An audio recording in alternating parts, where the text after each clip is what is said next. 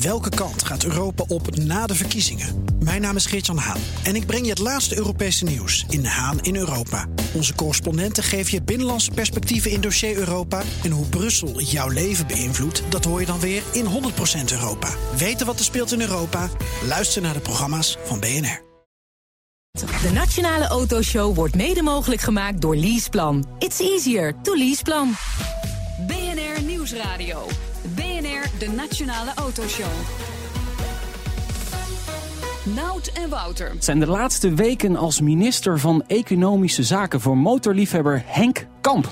Ja, en straks heeft hij alle tijd om lekker op zijn motor rond te crossen. Maar eerst nog even aan de bak in de Nationale Autoshow. Zo, inderdaad. het gaat iets langer dan twee weken duren, jongens. het, duurt nog een maandje tot de verkiezingen. En Ja. daarna nog een maand of drie, vier voor er een nieuw kabinet is. Dus Ah. zelf hou ik er rekening mee dat ik nog een maand of vier in ieder geval hier mijn werk mag doen. Ja, Kijk want aan. in België hebben ze nog wel eens langer eh, geformeerd. Hè? En wij in Nederland ook. Ja, ja, Ja. is er een record. Ik vind wel dat de, de tendens de laatste tijd is dat we proberen toch het niet al te lang te laten slepen. Dus ik heb Ja. eh, goede hoop dat we ook na de komende verkiezingen Ja. met een aantal verstandige mensen bij elkaar kunnen zitten. En dat eh, er dan toch redelijk snel een kabinet komt. Maar een Ja. maandje of drie zou het kunnen duren. Ja, maar eh, sommige van de verstandige mensen die stoppen ermee en gaan, gaan, gaan, gaan motorrijden. Ja. heb ik gehoord.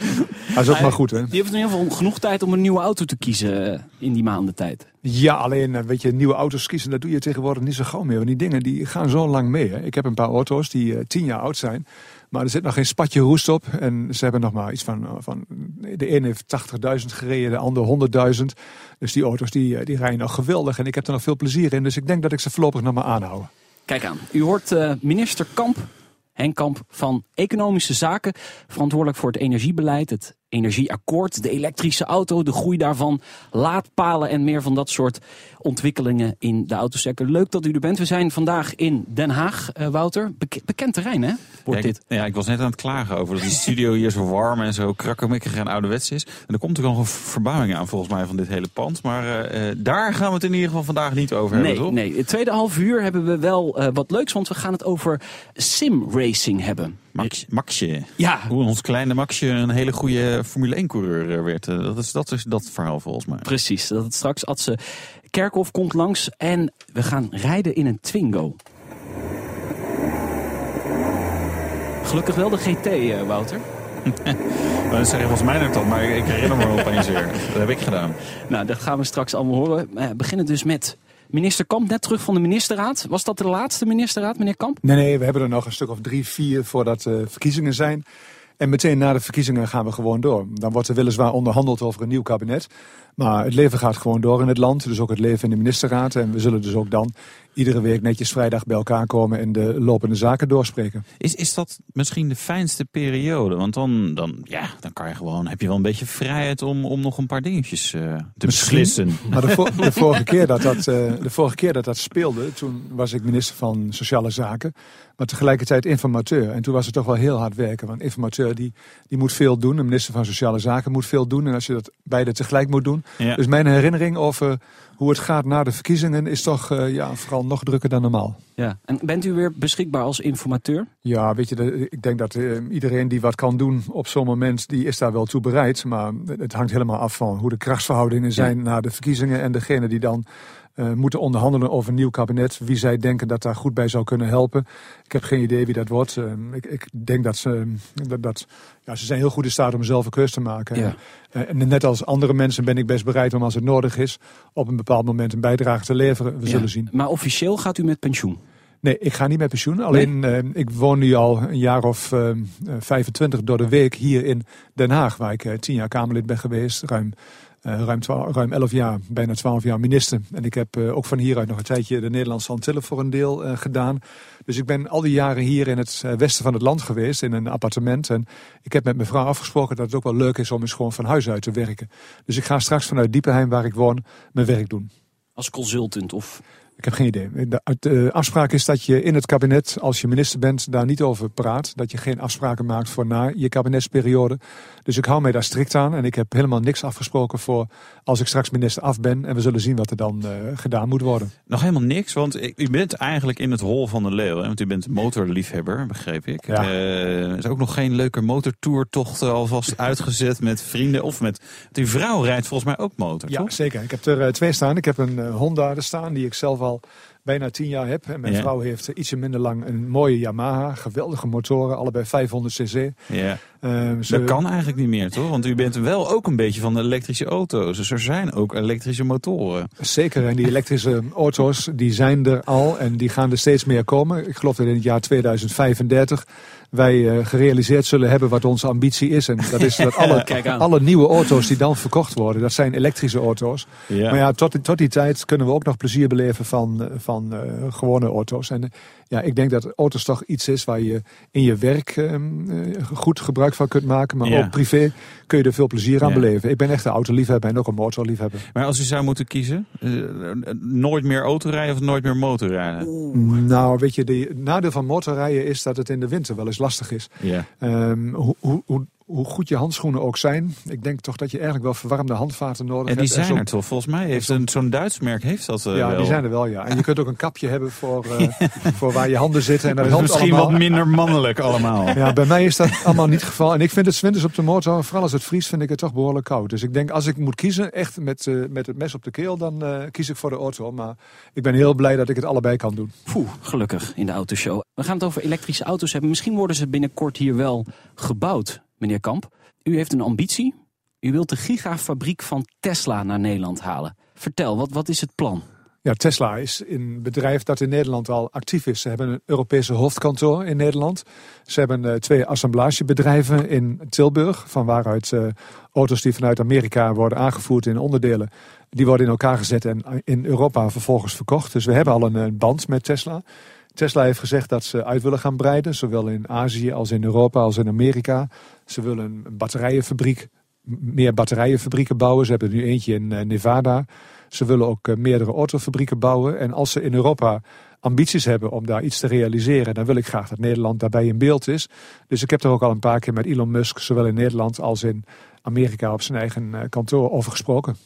En, maar dit gaat natuurlijk gedeeltelijk om werkgelegenheid. Of, of is dat eigenlijk alles? Of, Nee, ik wat, denk dat... wat, wat is zo aantrekkelijk om, om meneer Musk met zijn, zijn fabriek hier te hebben? Nou, Musk vind ik een eh, inspirerende man. Die, Ja. eh, die, die, die, die heeft visie en die is ook in staat om dat te verwezenlijken. Dus ik, ben- Ja. ja. ik, ben wel, ik, ik raak wel geïnspireerd door die man. Ja. Hij heeft ehm, ehm, ook een groot succes met, z'n- met zijn auto. En als hij in eh, Europa een grote fabriek wil gaan bouwen, ja, dan is het mijn taak, en dat doe ik ook met overtuiging, om hem te vertellen waarom Nederland zo interessant is. Nederland is een bedrijf, waar, een land waar je nu al, ook al een eh, grote autofabriek in Born eh, ziet draaien en voortdurend ziet uitbouwen. En wij zijn heel goed in staat eh, om dat ook te accommoderen als overheid. Wij hebben ook heel goed met hem samen kunnen werken in Tilburg. En we willen ook heel graag met hem samenwerken om mooie plekken in Nederland te vinden. Om ook zo'n fabriek te bouwen. Ik Ja. moet eerlijk zijn. eh, in Slowakije, in Duitsland, in Frankrijk, in Denemarken, in Engeland. Overal in Europa willen ze dat ook. Dus Mhm. Mijn eerste taak is om te zorgen dat Nederland bij hem, bij hem goed in beeld is. En als dat eenmaal gelukt is, dan kunnen we vervolgens weer kijken waar in Nederland. En, en wat is uw gevoel? Overweegt hij die fabriek hier in Nederland neer te zetten? Want u heeft hem gesproken. Ja, mijn gevoel is dat hij zich in eerste plaats op Amerika concentreert. Hij heeft ehm, daar een oude fabriek in Fremont die, ehm, die ehm, hergericht wordt. Hij wil daar ook een, ehm, een nieuwe fabriek realiseren. Hij heeft daar nu een aparte fabriek, zei ik net al, voor batterijen in Nevada. Maar hij wil eigenlijk zijn batterijenfabriek en zijn autofabriek aan elkaar koppelen. Dus mijn idee is dat hij op dit moment vooral op Amerika geconcentreerd is. Maar dat hij voor de iets langere toekomst eh, ook nadenkt over Azië en Europa. En hoe zijn die kaarten voor Nederland? Hebben we een beetje kans? Want Ja, we hebben al een fabriek, maar ja. Wij hebben een fabriek in Born en dat is niet zomaar een fabriek, Nee, ik maar bedoel dat is... de, de, de Tesla-fabriek De in Tilburg. Tesla-fabriek in Tilburg. Ja, het mag geen, geen Nee. fabriek heten. Nee, dat is een assemblagebedrijf. En wel een heel mooi bedrijf trouwens. Maar dan hebben we die fabriek in Born. En dat is wel een fantastische bedrijf die door VDL in Nederland eh, gerund wordt samen met BMW. En ja, het blijkt dus dat eh, wij in Nederland ondernemers hebben die zo'n bedrijf, grootschalig snel groeiend automobielbedrijf met duizend robots, eh, goed kunnen laten draaien. Ja. Verder hebben we in Helmond een, eh, een, een- meer dan 100 bedrijven die eh, aanleverancier zijn, toeleverancier zijn voor de, voor, de auto, voor de automobielindustrie in Europa. Onder andere de Duitse automobielfabrieken die krijgen veel onderdelen uit Nederland aangeleverd. Dus ik denk dat qua techniek wij in Nederland veel te bieden hebben. Qua logistiek hebben we veel te bieden. Ehm, verder is het een aantrekkelijk land om je te vestigen als buitenlands bedrijf. Veel buitenlandse bedrijven zijn in Nederland, komen naar Nederland. En daarom denk ik dat wij eh, goede papieren hebben om eh, ook Ja. bij meneer Musk en bij Tesla in beeld te zijn als ze een Europese fabriek willen bouwen. Maar we hebben geen lage lonenland, zegt men dan. Dat is waar. Dus zeker. kunnen wij wel concurreren met Polen, met Slowakije straks, die ook die fabriek willen? Nou, ik denk het wel. Dat doen we samen met onze robots. Eh, Je ziet dat we dat in Born op dit moment eh, waarmaken. BMW kan overal auto's laten bouwen. Ze hebben ervoor gekozen om eh, maar liefst drie modellen van de Mini in Mhm. eh, Born te laten bouwen. Bovendien komt daar de X1 van BMW nog bij. En het blijkt dus gewoon dat die combinatie van Nederlandse werknemers, Nederlandse ondernemers en robots, dat die eh, kunnen concurreren. Ja, en nu alleen dan nog even kiezen welke provincie het moet worden, geloof ik. Hè? Want Flevoland was er mee bezig, Born kwam net voorbij, Helmond. En nou, volgens mij is er in Groningen en Friesland is er ook, nog- zijn er ook nog stemmen opgegaan. Van nou, Ja. kom alsjeblieft hier, Ja, meneer Musk. Ja dat is heel begrijpelijk. Ik, eh, Is dat frustrerend voor u als minister? Dat denkt van, nou, daar zijn al die, die, die- ja, die- al die provincies zijn dan ook iets aan het roepen. Nee, ik niet met één stem spreken. Ik word erdoor geïnspireerd, ik word erdoor ondersteund. Ik weet dat het eh, regionale beleid ligt in eerste plaats bij de, bij de provinciale bestuurders. Ja. En als zij samen met eh, de gemeente in de regio enthousiast zijn en ze willen een bedrijf naar zich toe trekken, vind ik dat prima. Ja. Mijn taak is in eerste plaats om te zorgen dat, dat Nederland goed in beeld is. En als dat gelukt is. Eh, Wat en, heeft uw en misschien al tijdens de. Wat mijn voorkeur heeft, ik heb geen voorkeur. Mijn voorkeur is dat het naar Nederland komt. En Maar daarna ik wil ik. ergens dat u Brabant heeft gezegd. Nee, dat heb ik nooit Niet gezegd. waar? Nee, dat, wordt misschien, dat wordt misschien door sommigen eh, beweerd dat ik dat gezegd heb, maar ik heb dat nooit gedaan. Wat wel interessant is, kijk, Elon Musk is, is wel een hele sterke leider. Hè? Die zet de lijnen uit voor het hele bedrijf. Ja. Ik zou me kunnen voorstellen dat hij liever heeft dat de minister wel zegt van nou, dit is de plek die wij in Nederland aanwijzen. Duidelijkheid. Nee, Duidelijkheid. nee, ik, weet, ik weet precies wat meneer Musk wel en niet eh, wil. Ik heb daar heel goed met hem over gesproken. Ja. Ehm, eh, duidelijkheid kan ik hem op ieder moment eh, geven. Maar het is Ja. zo dat Voordat je fabriek met zeezicht. voordat je zou, zou helemaal niet verkeerd zijn. Maar voordat je duidelijkheid kunt bieden, moet het eerst zo zijn dat het bedrijf eraan toe is.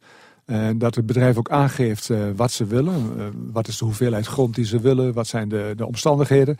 En zodra ze dat gedaan hebben, dan ga ik in Nederland ook kijken Ja. waar, hoe we het beste dat in kunnen vullen. Maar op dit moment is het vooral nodig om te zorgen dat de belangstelling die Nederland voor zijn initiatieven heeft, dat die goed duidelijk is. En ik kan u verzekeren, die is bij hem heel goed duidelijk. Tot slot, want ehm, er staat al een gigafabriek van Tesla in Amerika, in Ja. Nevada.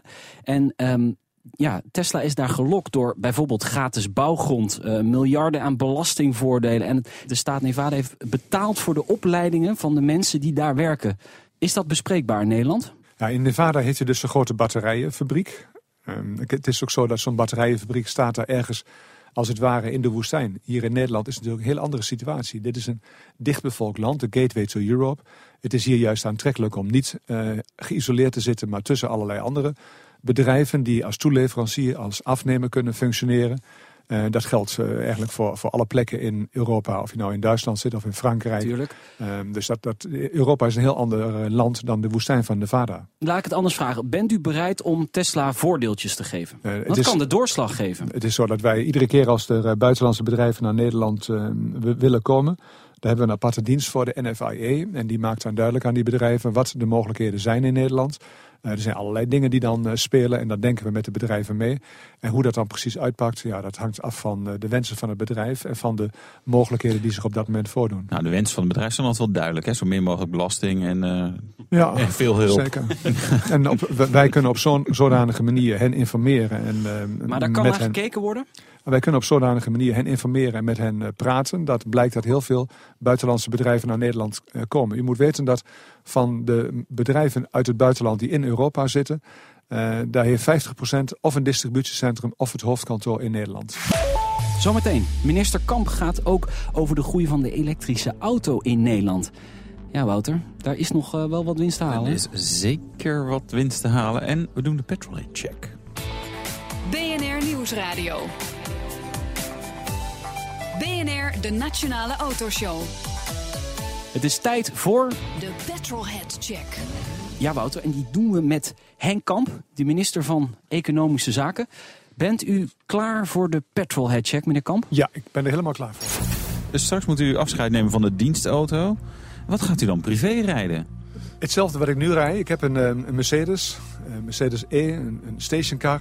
Ik weet, ik weet, niet precies hoe ze dat uh, bij Mercedes noemen tegenwoordig, maar ik noem het altijd... Estate, ja, inderdaad. Ja. Het is altijd een lifestyle. Uh, ik noem hem de stationcar en een, een hele mooie zescilinder uh, diesel. Hij heeft pas iets meer dan 100.000 kilometer gereden, bijna 10 jaar oud. Ik ben gek op die auto, okay. dus die hou ik vast. En verder heb ik een Audi TT Cabrio, een ah. quattro-uitvoering. Die gebruik ja. ik uh, ja, uh, voor, de, voor ja. de zomer. En dat is ook een hele fijne auto. Dus wat dat betreft ben ik... Uh, ze zijn allebei oud en ze hebben niet veel gereden. Ze zijn niet zoveel meer waard, maar ze geven wel heel veel plezier. Ja, Audi TT heb ik inderdaad ook nog. En Geert Wilders schijnt er ook een te hebben. Die heeft er ooit een gehad, maar dat was, gehad, dat was wel een, een, gewone standaard. En die van mij is een cabrio. En het is heel mooi in de zomer. Als je in de stad rondrijdt of in de bergen, om dan gewoon vrij zicht te hebben. Niet door ja. die raampjes te hoeven kijken. Dat ja. is nou, jullie kunnen de TT-club gaan beginnen samen. uh, wat is uw absolute droommotor? Motor? Ja. Nou, ik vind, dat er, ik vind niet alle Harley Davidsons mooi, maar er zijn er een paar wel heel erg mooi. Ik weet zo niet wat nou de, de, de naam en de nummer van de uitvoering is. Maar ik heb in Amerika en ook hier in Nederland wel Harleys gezien dat ik dacht, eh, prachtig, dat zwart en dat chroom en de vorm. En nou ja, zo'n motor, die, uh, daar wil ik in ieder geval eens een keer op rijden. En of ik hem ooit nog heb, ik moet er eerst voor sparen, denk ik. Nou, je kunt de oproep nu doen, dus... Uh.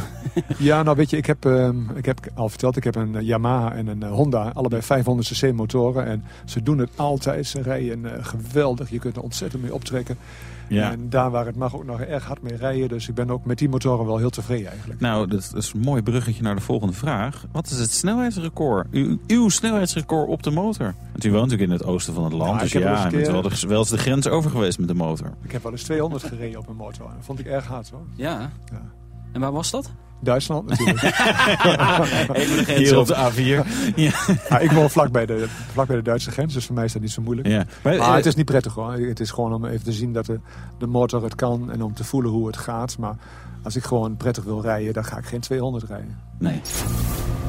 Wat vind je, de uitslag? Ja, van deze uitstekend. check? Ja, Ja, ik, zelf ja. ben meer een snelheidsfreak en eh, ik zou harder hebben gereden. Op, Harder dan op een- 200 op de motor? Nee, eh, nou ja, ik heb geen motorrijwijs, dus maar, maar goed, weet je, eh, genoeg eh, benzine en diesel door de aderen. Eh, Absoluut. eh, Zescilinder diesel Mercedes is ook fijn natuurlijk. Dus nee, ik uh, goeie, goeie me goed gekeurd. Zeker. Meneer Kamp, u verstuurde eind vorig jaar een ronkend persbericht. 100.000 auto's met een stekker op de Nederlandse weg. Ja. Hoera! Was u echt zo blij met dat aantal? Nou, ik heb vooral een grote uitdaging eh, voor me liggen voor wat betreft die elektrische auto's. U zegt 100.000 ehm, elektrische auto's, daar zijn dus ook de hybride auto's bij. Als je kijkt naar wat eh, volledig elektrisch is op dit moment in Nederland, het zijn er 14.000. En we hebben dus de ambitie om in het jaar, 19, in het jaar 2035, om dan alle nieuw verkochte auto's, om dat 100% emissiearme auto's te laten zijn. Emissieloze Ja. auto's te Ja. laten zijn. Dat betekent of waterstof of op batterijen. Wel grappig, dat is over 18 jaar. Ja. Dus zeg maar de baby's die nu geboren worden, die gaan allemaal lessen in een elektrische auto. Ja. Dus om, om even een perspectief Ja. te geven hoe lang het nog duurt. Dat is een Eh, mooi beeld, ja. Maar tegelijkertijd, het loopt nog niet echt storm met de volledig elektrische auto's. Nee, maar het we zijn daar wel heel hard mee bezig. En je ziet ook dat de, de producenten, die, die, trekken er ook hard aan. En dat komt omdat Europese normen voor auto's eh, steeds worden aangescherpt. En om aan die normen te kunnen voldoen, die normen gelden voor het hele, hele wagenpark van een, eh, van een, de hele productielijn van een eh, fabriek. Om aan die normen te kunnen voldoen, moet je steeds meer elektrische auto's eh, produceren en verkopen. Ja. En wat, het tweede wat je ook ziet is dat wij, wij in Nederland, maar ook in andere landen, maar vooral in Nederland, dat we in een hoog tempo bezig zijn om overal laadpalen en laadpunten eh, te realiseren. En dat is natuurlijk ook heel belangrijk, dat als je straks die, ehm, die elektrische auto's eh, alleen nog maar eh, verkocht wilt hebben, dat men ook overal terecht kan om die op te laden.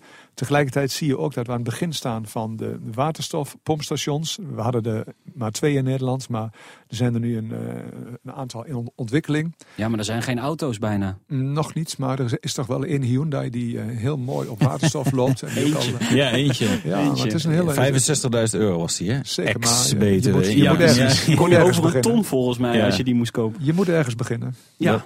Dat, is waar. Ehm, en tegelijkertijd, eh, ik, het gaat gewoon nog niet zo heel erg rap. Hè? Want de ambitie was eh, in de Green Deal elektrisch vervoer. Ik lees hem even voor.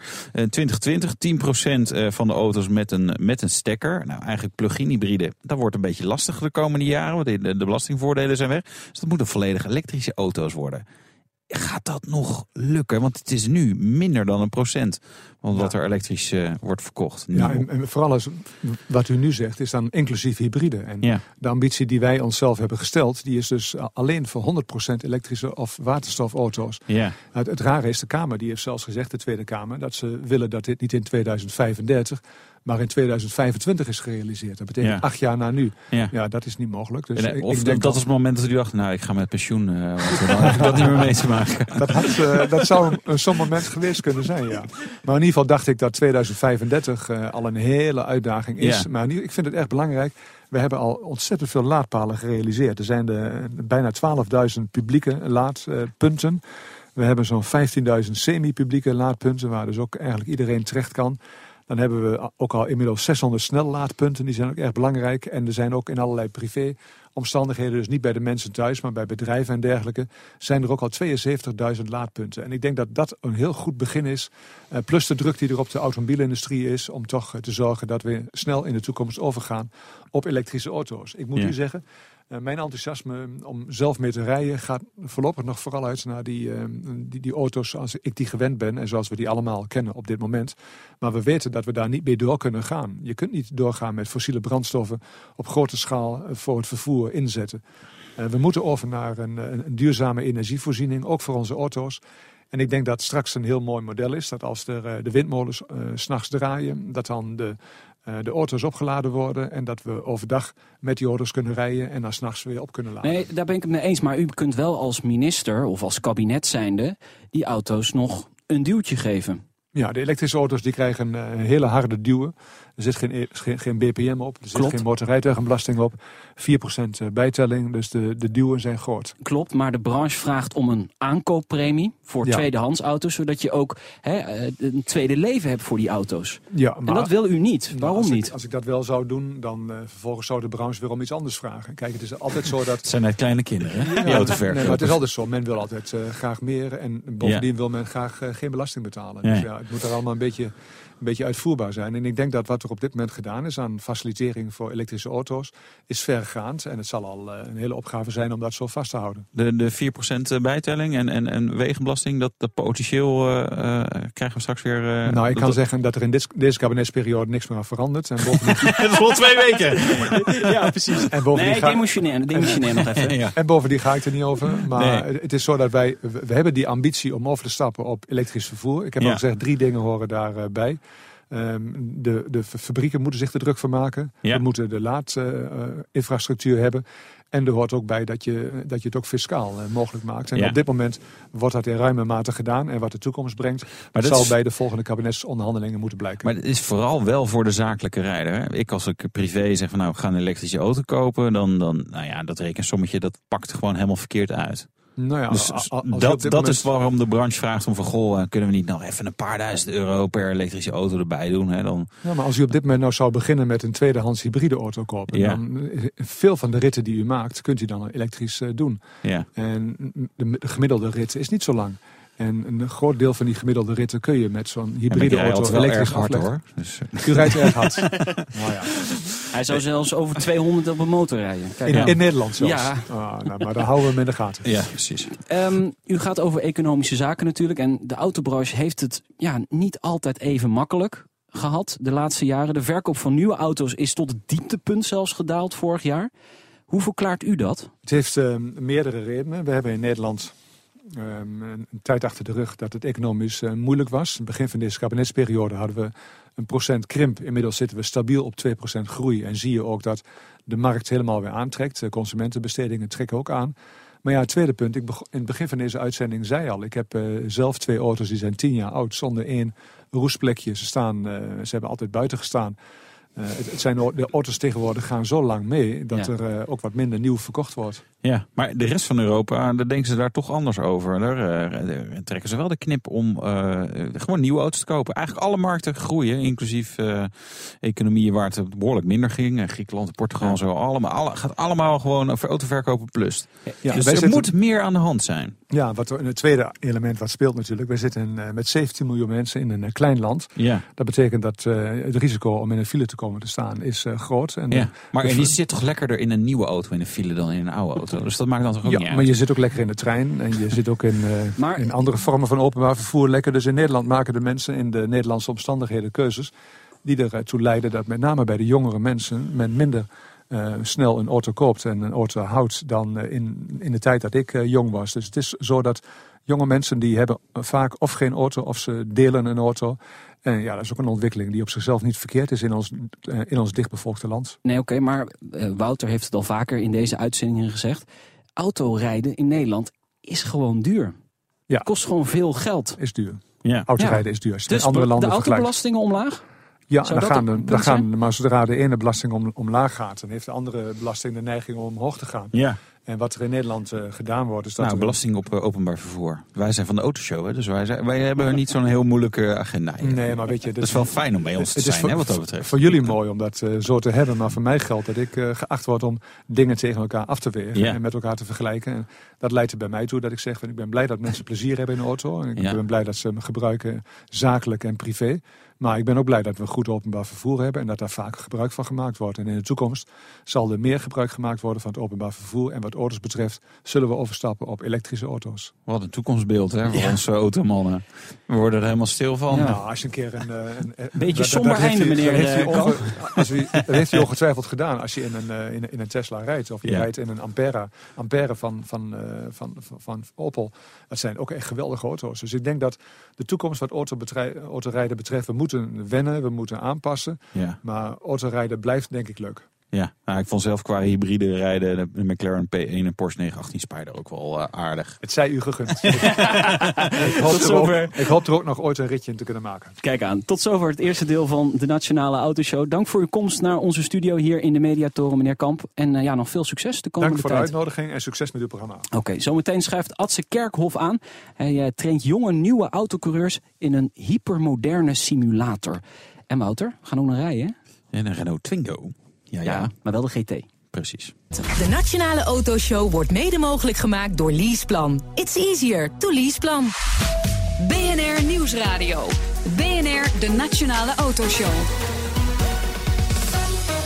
Nout en Wouter. Ja, het begint weer te kriebelen. Het duurt niet lang meer, heel lang meer en dan begint het nieuwe Formule 1 seizoen. Ja, dus eh, we gaan alvast eh, wat aandacht besteden aan die koningsklasse van de autosport. Lijkt me een goed idee. En straks rijden we in de Renault Twingo GT. De allerdikste Twingo van Nederland. De allerdikste Twingo, eh, Wouter. Ja, en de goedkoopste nieuwe auto met eh, zeg maar een uitlaat links en eh, rechts. Oh Dus ja. ja, jongen. Nee, ik had allerlei reden om met die auto te gaan rijden. Jij weet toch wel die auto weer heel speciaal te krijgen. En Ja. ik krijg al wat tweets over die auto. Mannen, kunnen jullie dat soort auto's niet beter aan vrouwen overlaten? Kijk, de toon is gezet. Ja. Maar ja, als ik allemaal dure auto's rijd en zeg je, oh, je moet weer wat betaalbaars, doe ik wat betaalbaars en dan eh, mag het ook weer niet. Dus ik, eh, ik eh, ben weer helemaal in de war. Gelukkig heb ik deze week alleen maar hele dikke dingen gedaan. Je doet het voor de luisteraar, hè? Precies. Uiteindelijk doe ik al. De luisteraar staat centraal. Precies. Heb je een vraag aan ons of aan onze gast? Dat kan eh, via Twitter, apenstaartje BNR Autoshow. En eh, nog 36 dagen, 14 uur en 24 minuten. Dan begint de eerste race van de Formule 1 seizoen. En de komende weken blikken we alvast vooruit. Vandaag duiken we in de wereld van simulatietraining en simracing. En eh, iemand die daar alles over weet is Adse Kerkhof. Hij is simracer, simulatietrainer en eigenaar eh, van het bedrijf Adrenaline Control. Welkom. Dank je. Le- Leuk dat je er bent. Dank je wel. Ehm, ja, dat doe je nu allemaal, maar eh, lange tijd was je gewoon actief op het ijs. ja, klopt. Short tracker.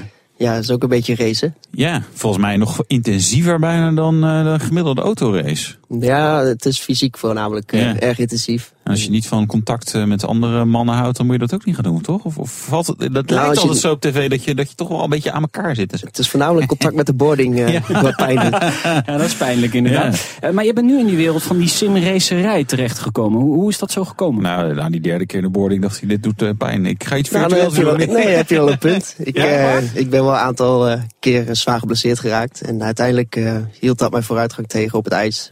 ik, ik groeide niet meer door. Ik wist dat ik gewoon geen Olympische Spelen meer ging halen. Nee. Ja, dan was het gewoon tijd om de knoop door te hakken en op andere dingen te gaan richten. En toen ben ik uit uh, ja, een stukje verveling, je mist competitie gevoeld. Dus toen ben ik een beetje gaan racen achter die computer. En ja. uh, toen kwam ik eigenlijk al heel gauw achter dat er uh, een hele wereld bestaat. ja, simracen noemen ze dat. Wereldkampioenschap op een ja, erg hoog niveau. Waar veel geld te verdienen was, waar leuke prijzen mee te verdienen waren. En ja, daar ben ik op ingegaan. helemaal uitgeplozen. En ja, nu sta ik hier. Ik vind het wel een grote stap. Want je bent dus fysiek heel actief uh, schaatsen. Dan moet je ook conditie werken. En, en, en, uh, en het volgende moment zit je op je zolderkamer achter je computer met een zak chips bijna. Nee, je, het, het, contrast is groot. Ja, het contrast was ook groot. Ja. Um, simracen is mentale topsport. Ja. En uh, schaatsen is mentaal en fysiek. ja. ja. Nou, als ik sommige van die schaatsers hoor praten, denk ik, nou, dat valt toch wel wel mee. Maar. Uh, ja, short ik niet. short nee, niet. Okay. Wouter heeft wel een punt, want je, je bent uiteindelijk een van de beste simracers geworden. Dus je hebt je dat eigenlijk allemaal zelf moeten aanleren. Ja, nou goed, ik kom natuurlijk uit een sport waar je, waar je zes tot acht uur per dag met je sport bezig bent. Intensief aan het trainen bent. En, en naast de trainingen, de fysieke trainingen, sta je. Uh, of ben je de hele dag bezig om, om die kleine details in je materiaal te zoeken, je ja. techniek, uh, videoanalyse te doen. Um, dus dat gaat de hele dag door. En die mentaliteit, ja, die neem je mee dan in zo'n andere sport, simracen. Ja. En uh, ja, dan moet je gewoon uitzoeken van hoe anderen zo snel kunnen zijn. Ik begon en ik was niet snel. En uh, dat was voor mij de uitdaging van ja, hoe ga ik nou die, die snelste rijders in de wereld, hoe ga ik ze nou verslaan? En daar heb ik een project van gemaakt. Ik, ben, ik heb een hele topsport approach heb ik er uh, op losgelaten. En, en toen ging het hard. Ja. Was jij dan een van de eerste die dat dan zo'n serieus met zo'n topsport aanpak uh, aanvloog? Dat, ja, misschien wel. Um, nee, ik, want ik maak net een grap over zolderkamer, zak uh mhm. -huh. chips. Maar ik kan me voorstellen dat, dat een groot gedeelte van de mensen zit. Ja, is echt gewoon een hobby, computer. Ja. Eh, misschien een beetje neurderig. Maar mensen die wat minder zon zien, zeg ik dan dat altijd. Klopt, ja, uh, en dan ben jij een, ja, heel serieus heb je het aangepakt. Ja, ja. Uh, ik zag de potentie van, van de sport. Ja. Um, en ik zag ook steeds meer coureurs ja, de sim gebruiken thuis om te trainen voor, hun eigen, voor de eigen races. Ja. Um, dus het was voor mij reden genoeg om het serieus te nemen. Mensen om me heen die keken me ook wel eens raar aan van waar ben je in godsnaam mee bezig. Maar uiteindelijk als ik uh, ja, mijn zin ergens op zet. doen? ja. Zit je computerspelletjes te doen? Maar het grappige was, ik had natuurlijk allemaal teamgenoten en die schaatsten op, op het hoogste niveau in de, in de wereld. En uh, uiteindelijk uh, zaten mijn vrienden ook gewoon elke dag met mij thuis in de sim. Want die vinden het ook fantastisch. Ja, natuurlijk. En je hebt wel indruk gemaakt, want uiteindelijk heb je het zelfs geschopt tot de Formule 3. Ja. Dat is wel heel bijzonder. Je hebt een, een testdag gedaan in een formuleauto. Ja. Um, ja, dat is ook een beetje een lang verhaal om het maar kort te maken. Um, ik, we hadden het team, Team Redline, of die ja. hebben we nog steeds. En uh, daar hebben echte coureurs bij ja, naar binnen gehengeld. En uh, die vroegen of ze bij ons mee konden trainen met de beste simraces in de wereld. Um, er was één coureur, een, uh, een Nieuw-Zeelander, Richie Stanaway. Die reed voor een Nederlands team van Amersfoort Racing in de Duitse Formule 3. Die had zijn rug gebroken op het echte circuit. En uh, die kon eigenlijk alleen maar in de sim. Dus die ging met ons meetrainen. En die heb ik heel erg geholpen om toen ja, op het hoogste niveau in de sim mee te kunnen rijden. En die, die heeft dat veel gedaan. Die heeft twee, drie uur per dag getraind. En die heeft er achteraf ook veel aan gehad. En uit dank heeft hij mij geïntroduceerd aan het team. Aan Van Amersfoort Racing. En ja, uiteindelijk hebben zij mij als experiment in de Formule ja. 3 gezet. Een dag op Barcelona om te kijken van ja, iemand die wel fit is van het schaatsen natuurlijk. Uh, en goed kan racen, uh, virtueel. Kijken of die op het echte circuit ook uh, uit de voeten kan. En, en ja, voel hem aankomen Wouter. Ja, ja nee, het ging hartstikke goed. Ja? ja. Ja. Maar ik, ik las wel dat je, je had wel echt last van je nek en zo. Hè? Je, ja. je hebt het wel een klein, het was een beetje onderschatting ook. Nou, geen onderschatting, want ik, ik heb me goed voorbereid. Ik heb hard getraind. Ja. Um, met race is het natuurlijk dat voornamelijk je nek de grootste klap krijgt. Um, ja. Je hebt in de Formule 3 rond de 3G in de bocht. Dus drie keer eigen lichaamsgewicht. Een helm met een hoofd uh, weegt ongeveer 10 kilo. Dus ja, dan heb je elke bocht 30 kilo op je nek hangen. En dat ging Ja, op de duur wel pijn doen. ja. En helemaal als je dat niet gewend bent, ja, dan eh, gaat het zuren. Voor de gein eh, zet ik wel eens mijn zoon, eh, Alexander, die is denk ik kilootje of 10, 11, zet ik op mijn hoofd, weet je, dan loop ik zo een beetje met hem te stunten. Maar dat is best zwaar inderdaad. Ja. Ja. het is heel stom. Dat denk ik nu pas, dat er een beetje associatie ermee is. Maar eh, hoeveel rondjes ging het dan nog een beetje goed? En was, was je zelf een beetje tevreden over het rijden op het circuit? Ja, kijk, ik had een. ehm, de eerste de ochtend was natuurlijk het meest intensief. Ehm, je stapt in zo'n auto, je krijgt de fysieke klap van, van alle G-krachten, alle spanning natuurlijk dat je in een, in een Ja. rijdende raket het circuit op gaat. En dan moet je maar eens laten zien van dat je het kan. Ja. Dus de auto heel houden, dat was al een, een opdracht op zich. Ja. En dan ook nog eens tot de limiet proberen te rijden. Ja, dan, ehm, dan, dan kom je er langzaam in. En uiteindelijk viel het wel mee. Juist omdat je heel erg gespannen bent in het begin. ehm, dan voel je, dan, dan houdt de fysieke verzuring je ook echt tegen. Maar uiteindelijk word je meer ontspannen. En dan leer je het ook channelen. En dan kom je uiteindelijk wel in die tunnelvisie terecht. Dat je, ja, het voelde alsof ik in mijn eigen sim zat thuis. Ja. En, eh, dan werd het makkelijker. Want eh, zo levensecht is die sim dus, die simulator. Kun- je ook G-krachten nabootsen? Hè? Dat, die kilo's op je nek, kun je dat nabootsen in een simulator? Dat is wel mogelijk. Ja. Uh, met ons bedrijf doen we het nog niet. Omdat uh, een coureur die, die had voornamelijk feedback vanuit de G-krachten. Dus die voelt hoe de auto uh, op, de ba op de baan ligt, uh, hoe de grip is. Um, op dit moment is het niveau nog niet zo hoog van de G-krachtsimulatie... Dat, je, dat de coureur ook echt uh, um, informatie uit kan halen van hoe de auto op de weg ligt. En mm -hmm. dat zou het alleen gebruiken om uh, fysiek die nek sterker te maken. En daar is de sim eigenlijk niet echt voor bedoeld. Nee, Nee, want dus je kunt niet die 3G of zo, je kan, je kan niet genoeg G's genereren in die uh, G-krachtsimulator. Moet ik dat zo zien? Ja, er zijn verschillende methodes. Je kan natuurlijk ja. neckloaders, kabels op je nek zetten. Ja, en, ja dat wordt een interessant verhaal. En dat ja. wordt ook ja, gevaarlijk, hè? Want het blijft de computer die aan je nek loopt te trekken. Ja. Um, ja, daarnaast kan je met motion dingen doen. En dat heeft allemaal zijn voor- en nadelen. wij zien de nadelen nog net iets ja, te groot om, om, om het in te zetten. En wat wij willen is gewoon perfecte gevoel voor de coureur dat hij in de sim stapt. Uh, dan zonder G-krachten, maar dat hij wel de, zijn eigen auto voelt. Ja, want is, uh, neem ons even mee uh, in zo'n simulator. Hoe ziet dat eruit? We hebben wel voor vliegtuigen wel zo'n ding gezien. Dan zit je in zo'n grote bol met schermen om je heen. Is, is, gaat het zo ver met de simulator voor jullie? Nou, onze simulator is een oude, staat in de bol van een oude F-16 simulator. Oké, okay. okay. yeah. dus, dus het is niet even een computer. Ik heb hier een laptopje voor me staan. Dus nee, kan, je, nee. kan je ook een race spelletje op doen, zeggen op je ja. telefoon ook. Nee, dat gaat allemaal wat verder. Het gaat heel ver eigenlijk. Ik zeg altijd, er zijn een aantal niveaus. Je hebt natuurlijk de PlayStation thuis, wel op het tv-scherm. Daarna ja. heb je het simracen. Dat is dan serieuze software waar je echt de racetechniek moet toepassen om hard mm -hmm. te kunnen gaan. Dus dat gaat al redelijk ver. Um, dan heb je de professionele driver simulators, dus wat wij als bedrijf doen. En daarna komen de Formule 1 teams die dan weer de simulator gebruiken om de auto te ontwikkelen. Ja. Ja. En, wat, wat, wat voor soort dingen zit je, kan, kan je allemaal simuleren? Maar bijvoorbeeld als ik op een circuit rij, hè, dan zijn er zijn toch wel heel veel kleine subtiele dingen waardoor je weet dat je zeg maar, een limiet benadert. Hè? Dus wat ook het geluid van de banden en dus een bepaald soort trilling in het stuur. Weet je, kan je dat soort dingen ook allemaal echt, echt simuleren? Ja, het, het stuur is uh, bij ons erg sterk. Dus uh, een formuleauto is voornamelijk, er zit geen stuurbekrachtiging op, zoals nee. een GT-auto of een uh, gewone auto. Um, dus daar haal je heel veel informatie uit over de grip van de, van de auto. Natuurlijk het visuele. We hebben dan een doom uh, van 7 meter scherm om Ja. je heen. Die zit 180 graden om je heen gevouwen. Ja. Um, als je in de, in de cockpit zit, dus het is ook een cockpit van een raceauto waar je Ja. in zit. Nou, Dan heb je gewoon- niet. Nee. Dat is eigenlijk ook alleen voor racecoureurs. Om die reden. Maar dan heb je ook precies hetzelfde zicht als, op de echte, of als, als in de echte auto. Ehm, ja, en, da- en daar eh, ehm, moet de coureur zich in thuis voelen. En ehm, dat, dat hebben we zo opgezet dat die auto precies eh, hetzelfde voelt. De pedalen moet je even hard trappen. Het is niet zoals in een echte auto waar je 10 kilo trapt en dat Nee. je dan de ABS al aantikt. Het is echt dat je 100 tot 130 kilo trapt. Ja, maar we- Brazilië was helemaal nat. Kun je dat ook simuleren? Dat Nee. Het, he- nee.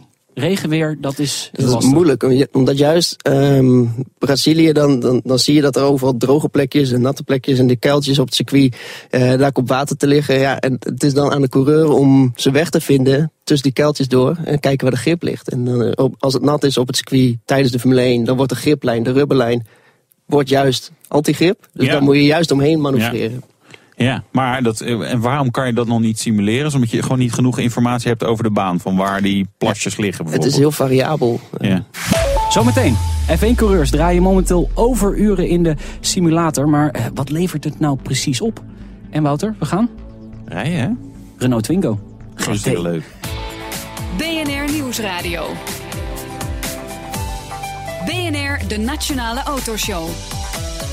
Tijd voor het eh, nieuwsoverzicht van deze week. Eh, Wouter, ja, het, nieuws van deze week was natuurlijk dat PSA Peugeot Citroën Opel wil overnemen. Oh, ik dacht dat we eerst over die Ferrari gingen hebben. Maar jij wilt het over wat zinnigere dingen hebben. Ja, ja, weet je, wat, wat, wat vind jij daar nou van, Nout? Nou, wat ik daarvan vind is, eh, ik snap wel dat ze daar in Duitsland eh, op een achterste poten van staan. Omdat het, het kan potentieel natuurlijk gevaarlijk uitpakken voor Opel. Ja, Er staan misschien heel veel banen straks op de tocht. ja. Ik vind het, ik vind dat ze enorm aan het zwalken zijn, eh, General Motors. Ehm, eh, begin eh, 2000 eh, hebben ze geprobeerd Fiat over te nemen. Dat hebben ze op een gegeven moment niet doorgezet. En hebben ze moeten afkopen. Ze iets van 2 miljard euro aan Marchione Mhm. moeten gireren. Hè. Dus dat was zeg maar, het plan 1 van GM om Opel en de Europese operatie zeg maar, wat beter te krijgen. Ze hebben natuurlijk Daewoo ooit gekocht. Toen omgebashed naar Chevrolet. en daar zijn ze nu ook weer mee gestopt. Toen hebben ze in 2013 hebben ze ook al gekeken van... Goh, hey, Peugeot, Citroën, eh, het gaat nogal slecht daar. Dus het is relatief goedkoop. Misschien moeten we dat eens gaan aanschaffen.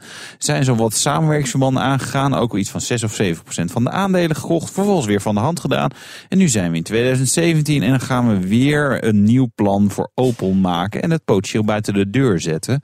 En als ze het buiten de deur zetten, dan hebben ze niets meer in Europa. Nee. Helemaal, ja, eh, er, er- wordt nog wel eens een keer een Cadillac verkocht. En ook nog eens een keer een Corvette. Aan een verdwaalde dealer. Ja, en een Camaro is op zich een hele goede auto. Maar weet je, dat zijn allemaal de volumes niet. En dan, dan ben je dus niet meer actief in Europa. Snap je wel dat ze er vanaf willen? Want Opel maakt al sinds 1999 verlies. Ja, nee, ik snap er niet dat ze vanaf willen. Want eh, Buick, dat is eh, het Amerikaanse Opel feitelijk. Want die, die, ja, die bouwen gewoon Opels om met een Buick grilletje. Dus de Cascade die rijdt als Buick rond. eh, De Insignia rijdt als Buick rond. eh, De Astra die rijdt als Buick rond. Ook Ja. in China, dat gaat allemaal best wel goed. Dus weet je, het, het, ik, ik, bij GM krijg ik nooit helemaal een goed beeld over... Joh, hoe doen ze dat nou met die financiële... eh, hè, hoe, met hun st- kaststroom. Weet je wel, laat ze Opel alles ontwikkelen en mag eh, Buick daar gewoon gebruik van maken. Of hoe werkt dat?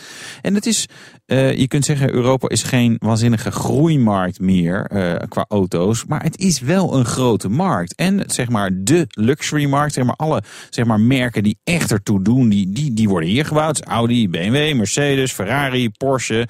Als je het Ja. over Cadillac en dat soort merken, is altijd maar toch, ja, maar het is geen Mercedes. Maar het segment En- waar Opel in zit, Ja, daar is juist heel veel concurrentie. Ja, ja, en dan werkt het beter om dan zeg maar samen te gaan met Peugeot, Citroën en DS. Dus dan heb je vier merken die heel dicht op elkaar zitten.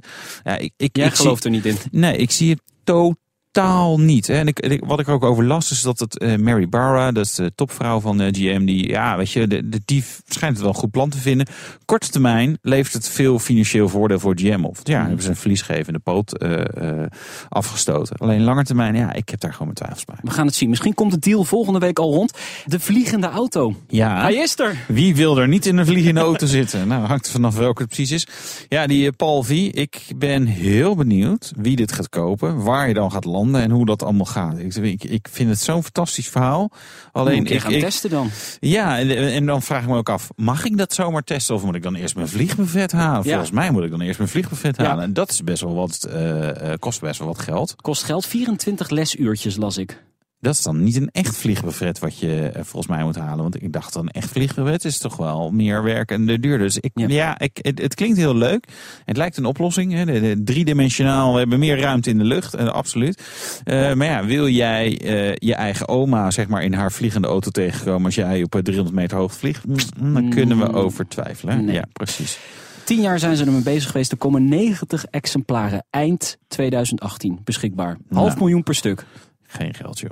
En voor die halve miljoen kan je ook kopen. Nou, weet echt de prijs niet, hè? Van de Ferrari 812 Superfast. Ja, super fast. Superfast. Superfast. Dit is de opvolger van de?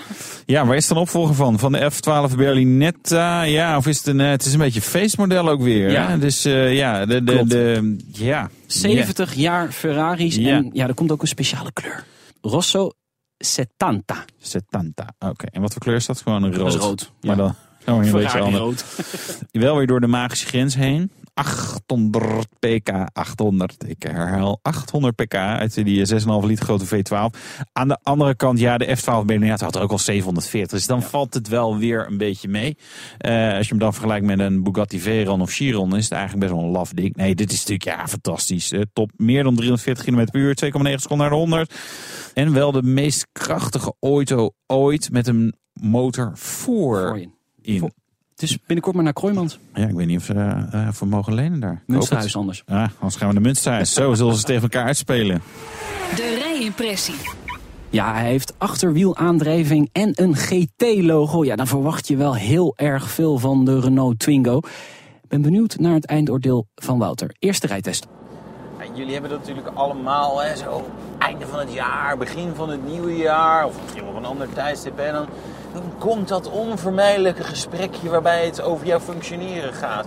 Nou ja, ik moest er dit jaar ook aan geloven. En dan zou je natuurlijk denken, hè, Nout, de redacteur van de BNR Nationale Autoshow, dat lijkt zo'n vriendelijke, vrolijke jongen. Maar dat zijn vaak ook de mensen met ja, toch een wel wat donkere kant aan in andersoortige omstandigheden. En ik had het gesprek natuurlijk ook met mijn co-presentator Meinert. Nou ja, die is adjunct hoofdredacteur bij BNR geweest. Dus die heeft natuurlijk leidinggevende kwaliteiten. Nou, dan weet je ook wel hoe zo'n gesprek gaat. Hè. En het, het ging er al vrij snel zo van, nou Wouter, ga maar even zitten. En ik zal je alle details verder een beetje besparen, want ik wil ook nog wat over deze auto vertellen. Maar het kwam er wel een beetje op neer dat de keuze voor testauto's niet helemaal in lijn was met de ideeën die zij hadden. En dan verwoord ik het nu natuurlijk uitzonderlijk vriendelijk. Maar er kwam niet echt fysiek geweld bij kijken. Maar ja, je hebt wel een idee hoe dat soort gesprekken kunnen gaan. Hè? Dus ik moet andere dingen gaan kiezen. Hè? En ik bracht er nog tegenin een instap Cayman. Hè? Dat is de goedkoopste Porsche die je kan kopen. De goedkoopste Rolls Royce Cabriolet. Een, een Amarok. eh, Ook gewoon ja, een soort instap pick-up bij Volkswagen. Maar het mocht allemaal niet baten. Dus ik ben nu onderweg in een Renault Twingo. Maar om ze terug te pakken heb ik wel gekozen voor de allerdikste Twingo van Nederland. Zo gaat die later ook geadverteerd worden op eh, Marktplaats en Autoscout en Autotrek. En weet ik veel wat voor eh tweedehands portalen nog meer zijn. De allerdikste Twingo van Nederland. En deze allerdikste Twingo van Nederland kost dan ook gewoon 20,5 mil.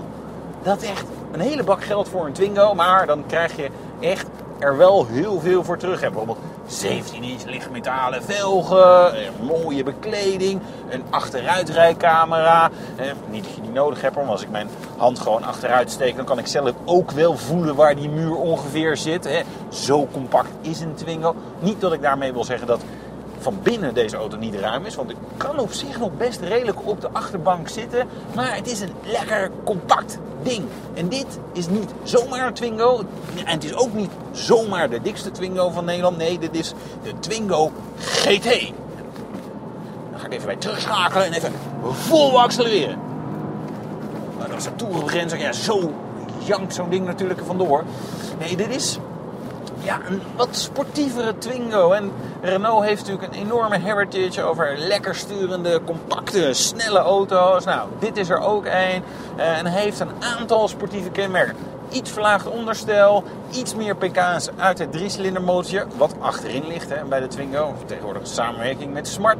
En heeft een cold air intake. Dat is voor tuners altijd heel belangrijk. Dan krijg je maar, een soort ja, extra luchtinlaat ergens waar de lucht lekker naar binnen kan, zodat die turbo eh, de motor lekker op kan jagen. Nou, dat heeft een Twingo GT dus ook. En dat betekent 21 pk volgens mij extra. In ieder geval totaal 110 pk. En dat is nou, best wel oké voor een auto zoals een Twingo. Want hij weegt ook maar 1000 kilo. Sprint naar de 100, 9,6 seconden. Nou, dat is wel grappig. Hij is met name het eerste stuk echt wel rapper dan je verwacht. En gewoon lekker gretig, lekker enthousiast. Het voelt wel als een beetje, een beetje zoals een kart. Ik kan er nog een hele rijimpressie over vol lullen. Maar ik denk dat ik inmiddels meer dan genoeg tekst heb ingeboerd. Dus ik ga nu afronden. Ja, de Renault Twingo GT. Je klonk heel enthousiast. Ja, Ja, nou ja, weet je. het is- Nee, wel grappig. Wel grappig. En eh, trouwens, jij eh, hebt je auto gesloten. Jij zit in een nieuwe auto. Ik vind dit wel bij jou passen. Ja, Ja, je bent, man, je bent mannelijk genoeg om, eh, om, om een Twingo aan te kunnen, zeg ik er gewoon bij. Ja, 20,5. Maar ja, dit, dit is een afgebeeld eh, persdemo van Renault. Dus daar, daar is minimaal de helft af. Ja, De auto schrijft toch heel veel af in het eerste jaar. en achterwielaandrijving. Achterwielaandrijving. Ja, Maar je hebt er niks aan, want het ESP kan niet uit. Nee, dus dat- uiteindelijk, dit is goed voor de draaicirkel in de stad. oké. Nou, brengt ons bij het eindoordeel. Daar gaan we. Leuke auto, maar meer van Meindert. Of van jou, Nout. Mijndert een keertje weg. Krijgt hij dan gelijk krijg voor zijn een nieuwe, voor nieuwe company car. BNR Nieuwsradio.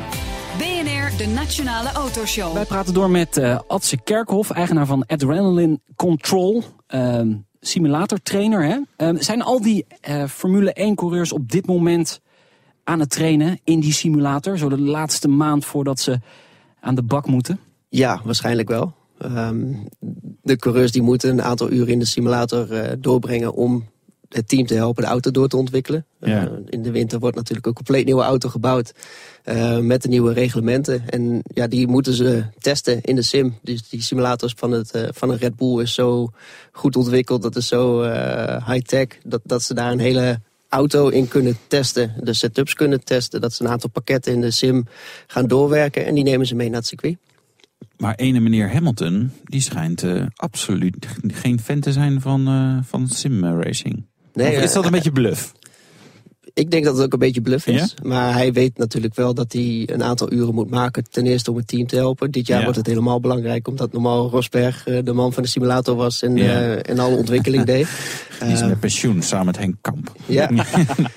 dus eh, ja goed, nu zal Hamilton, die zal ook wat gemotiveerder zijn dan vorig jaar denk ik om het kampioenschap binnen te halen. Maar heeft het wel eens in zijn nadeel gewerkt dat hij dat niet vaak wil in die simulator zitten? Ja goed, ik zag hem op Baku dit jaar, eh, zag ik hem eh, heel hard klagen. Om, eh, omdat hij de knopjes op stuur niet wist voor zijn engine settings. Nou, dat zijn juist de dingen die ze in de simulator kunnen doortesten, doornemen. Dat dat automatisch door de coureur in het systeem wordt gewerkt. Ja, en dat wist hij niet. En uiteindelijk verliest hij daar een paar eh, plekken mee. eh, Ja. in Het race. kampioenschap misschien wel. Ja, je, Daar, ja, dat weet je natuurlijk nooit. je maar, weet het nooit. Maar, eh, maar d- ik bedoel, de knoppen op het stuur kun je ook wel op een andere manier eh uitvogelen, toch? Dan kan je ook gewoon het stuur, met het stuur op je, op je bank gaan liggen en van nou, ik ga nu blind alles bedienen. Ja, ik, ik denk, kijk, die Sims, dat zijn gewoon auto's waarin je rijdt natuurlijk. Dus eh, als, je, als je aan het rijden bent en je bent je aan het concentreren op het circuit. En om dan een aantal procedures, en, en er zijn nogal wat procedures in Formule 1 en een aantal knopjes die, je- die je moet eh, handelen. Als, als gevolg van wat er op het circuit gebeurt. Mhm. Ja. Dus dat moet je wel in de sim doen. Ja, dat, dat klopt. Eh, Toen moet ik ook denken aan, aan eh, iets anders. Maar in de, eh, in de vliegwereld, hè, de piloten trainen natuurlijk vooral uitzonderingssituaties. Hè. Die gaat niet zeg maar, die lange vlucht naar eh, Kuala Lumpur eh, in de, in de sim eh, testen. Denk ik twaalf uur langer gewoon die autopiloten. Er zijn eh, rare dingen die gebeuren. Is dat ook wat je met name in, in, in, de, in die race sim eh, simuleert? Je zegt van nou, we gaan nu eens even een start waar alles misgaat eh, simuleren. Of doe je juist ook gewoon de normale race? Nou, wat wij met het bedrijf doen, is we trainen dus de coureurs, de jongere coureurs, die nog heel veel te leren hebben. Dus die Ja. vanuit het karten naar de Formule 4 gaan, van de Formule 4 naar de Formule Renault. Of eh, we hebben ook GP2-coureurs bijvoorbeeld. Ehm, eigenlijk elke klasse is wel wat te leren. Als je ze maar uitdaagt, je kan, eh, kijk, de Pirelli-banden waar de Formule 1 mee rijdt, eh, die, rijdt die gebruiken ze ook in de GP2. Ja. En die hebben maar één piekrondje. En dan zijn ze overhit en dan moet je een cooldown rondje doen. Dus je moet heel hard trainen, heel specifiek mentaal trainen om juist in staat te zijn om dat rondje eruit te krijgen. Eén rondje moet je even... Oh, jeetje, echt jongen, irritant, ja. Eh, we moeten bijna afronden, maar nog heel even Max Verstappen. Daar heb jij ook Hey, samen... Max. Ja, Maxie. wacht al. Ik denk Formule 1. We hebben Max nog niet genoemd. Dat kan natuurlijk Dat is wel niet. knap trouwens. Ja. Een half uur geen Max genoemd.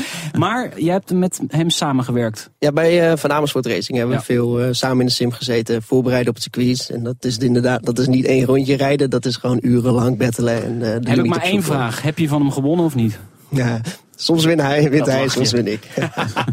Dat lach je. Goed, we moeten afronden helaas. Eh, dank voor je komst naar onze studio hier in Den Haag. Adse Kerkhoff, eigenaar van Adrenaline Control, simulatietrainer. Wouter, tot volgende week. Eh, dan Ja, banden, we hadden het overheen, uh, over. Uh, Formule 1 gaat er weer over hebben. Ze worden dikker, zorgt voor meer grip. maar het is vooral bedoeld volgens mij om die auto's wat stoerder eruit te laten zien. maar wij zijn benieuwd naar alle ins en outs. En dat hoor je volgende week dus Kijk hier op zender. Vergeet ons niet te volgen via Twitter. Check ons op Facebook, Instagram. Download onze podcast. Dat kan ook in Spotify volgens mij. Ja. Ik dacht het wel. Ja, ja of in de BNR-app. Tips of vragen, mail ons autoshow.bnr.nl. De Nationale Autoshow wordt mede mogelijk gemaakt door Leaseplan. It's easier to Leaseplan.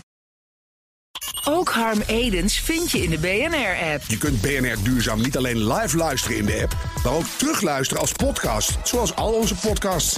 En naast dat de BNR-app Breaking News meldt, houden we je ook op de hoogte van het laatste zakelijke nieuws. Download nu de gratis BNR-app en blijf scherp.